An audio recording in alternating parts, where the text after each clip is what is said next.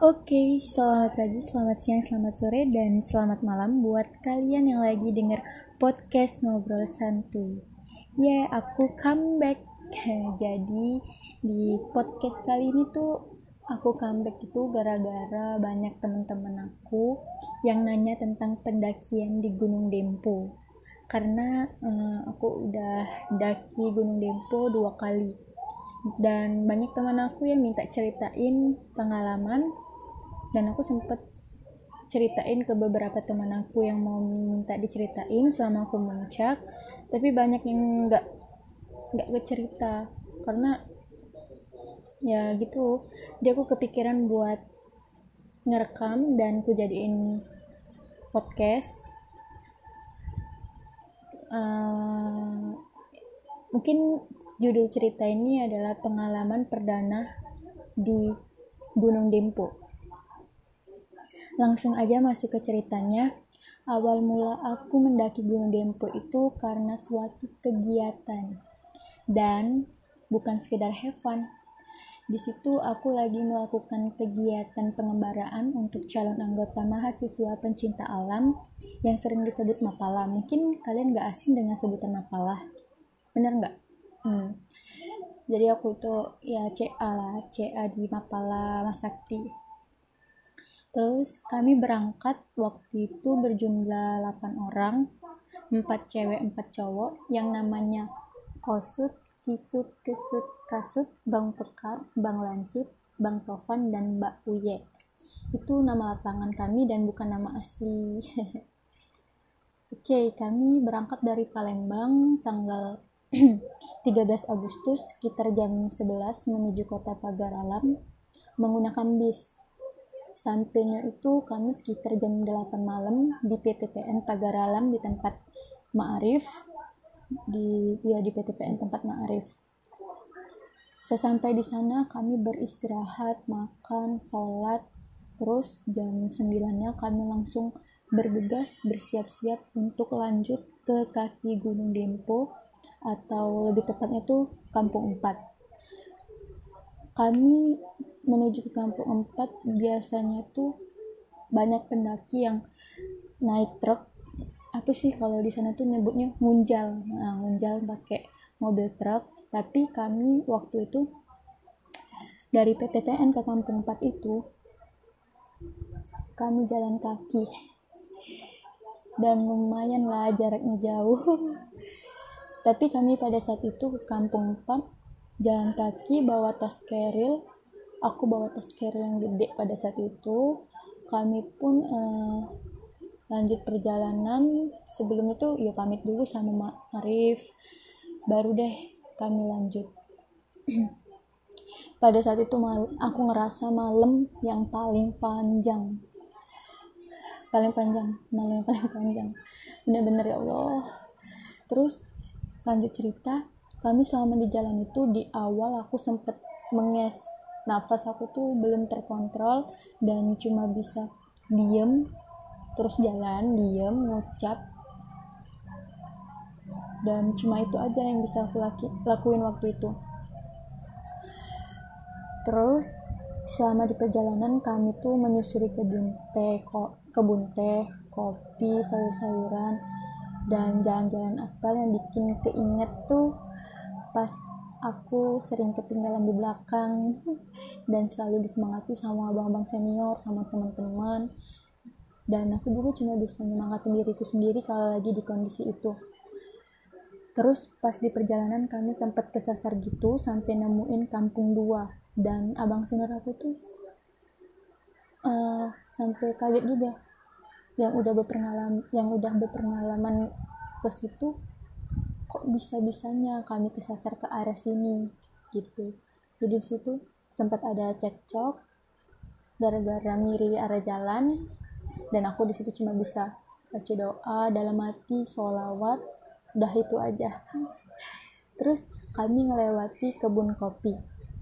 Pas di situ tuh aku nyium aroma kayak daun melati gitu terus aku merinding.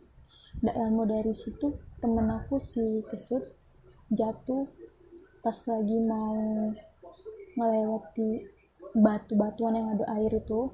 Dia jatuh terpleset dan gak lama dari situ aku ngelihat sosok putih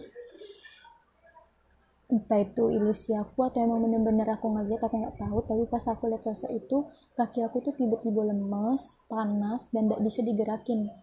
Dan temen aku ini depan aku dan di belakang aku tuh panik ngeliat aku. Tapi kejadian itu hanya sebentar sih. Terus kami tetap nih lanjut perjalanan sampai di kampung 4 jam 3 subuh. Kurang lebih sekitar jam itulah. Nah pas sampai di sana tuh base camp tempat Mae yang di kampung 4 itu sudah tutup.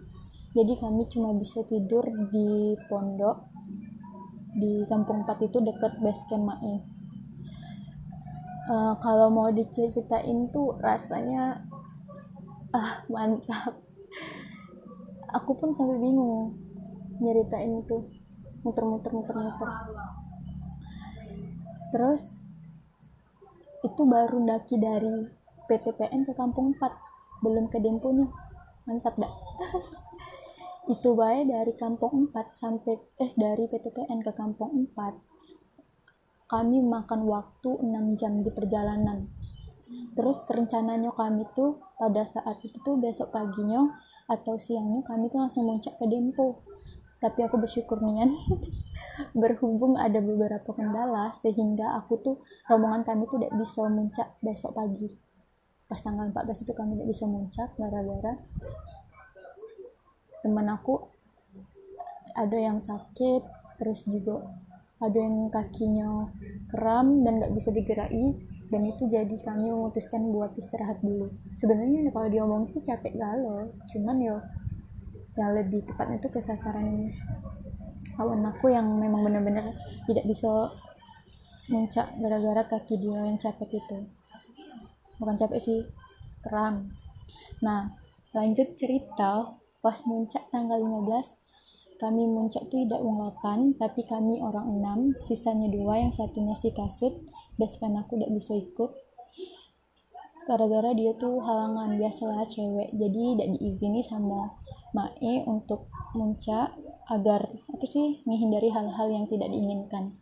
Karena gunung itu kan suci lah yang daki harus bersih harus niat baik insya Allah. Selamat pergi dan pulangnya amin. Nah selama pendakian dari kampung 4 itu jika sebut eh aku sebutin rutenya. Dari kampung 4 resort titik awal pendakian pintu rimba shelter 1 dinding lemari terus shelter 2 cadas makam perintis top dempo pelataran Samo Merapi. Nah itu rute untuk ke Dempo. Nah selama muncak perdana ini aku bawa tas keril jujur. Aku tuh bener-bener ngerasa capek capek capek men. Dan jujur aku juga ngerasain hal yang gak biasa aku lakuin dan aku lakuin di sana dan aku bisa. Jadi itu pelajaran yang benar-benar aku dapet pas selama di sana.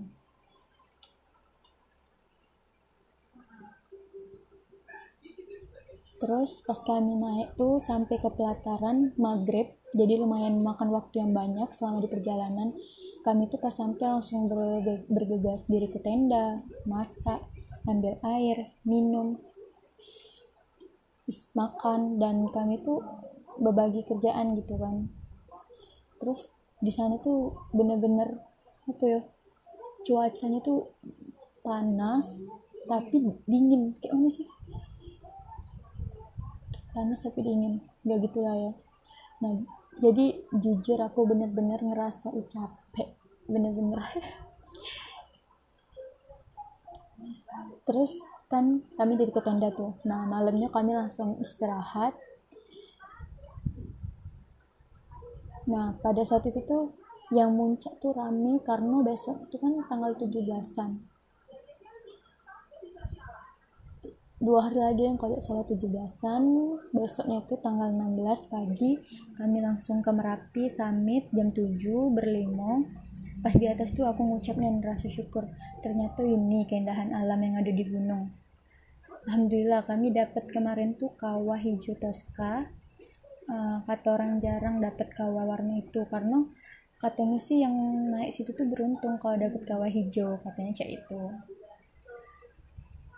dan kami tuh lanjut turun ke pelataran terus ya masak makan sudah tuh bongkar tenda terus langsung turun.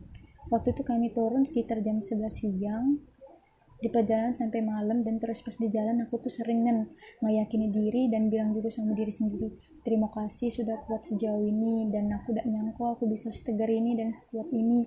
Dan aku tuh selalu ngucap semangat untuk diriku sendiri dan aku tuh selalu bilang ayo Cika kau tuh bisa naik dan kau harus bisa turun. Dan itu kalimat yang sering aku ucapi selain doa untuk nyemangati diri aku dewek dan sesampai di kampung 4 aku tuh langsung main HP langsung buka WA bukannya aku bersih-bersih dulu tapi aku malah main HP buka WA cari sinyal. Karena aku inget kemarin pas tanggal 16 selama aku di perjalanan selama aku di Merapi itu hari ulang tahun aku hari spesial aku 19 tahun di dunia. 19 tahun tanpa ibu. Dan aku baru menyadari itu langsung aku buka WA dan banyak teman-teman yang ngucapin aku terima kasih dan aku nyadar dan aku sangat bersyukur dan berterima kasih pada hari itu adalah hari istimewaku dan kawah hijau, gunung, pengalaman, perjalanan kemarin itu sebuah pengalaman yang sangat luar biasa dan kado istimewa buat aku. Terima kasih semesta, terima kasih ya Allah, terima kasih semuanya. Dan aku jadi curhat. Dah singkat cerita kayak itu pengalaman perdana aku memang kurang jelas dan tak jelas, jadi mohon maaf. Uh, buat kawan-kawan yang mendengar podcast aku kalau ada cerita horor atau cerita apa tolong bagi ceritanya di DM atau di email boleh dibagi ceritanya ya biar aku bacain di podcast ngobrol santuy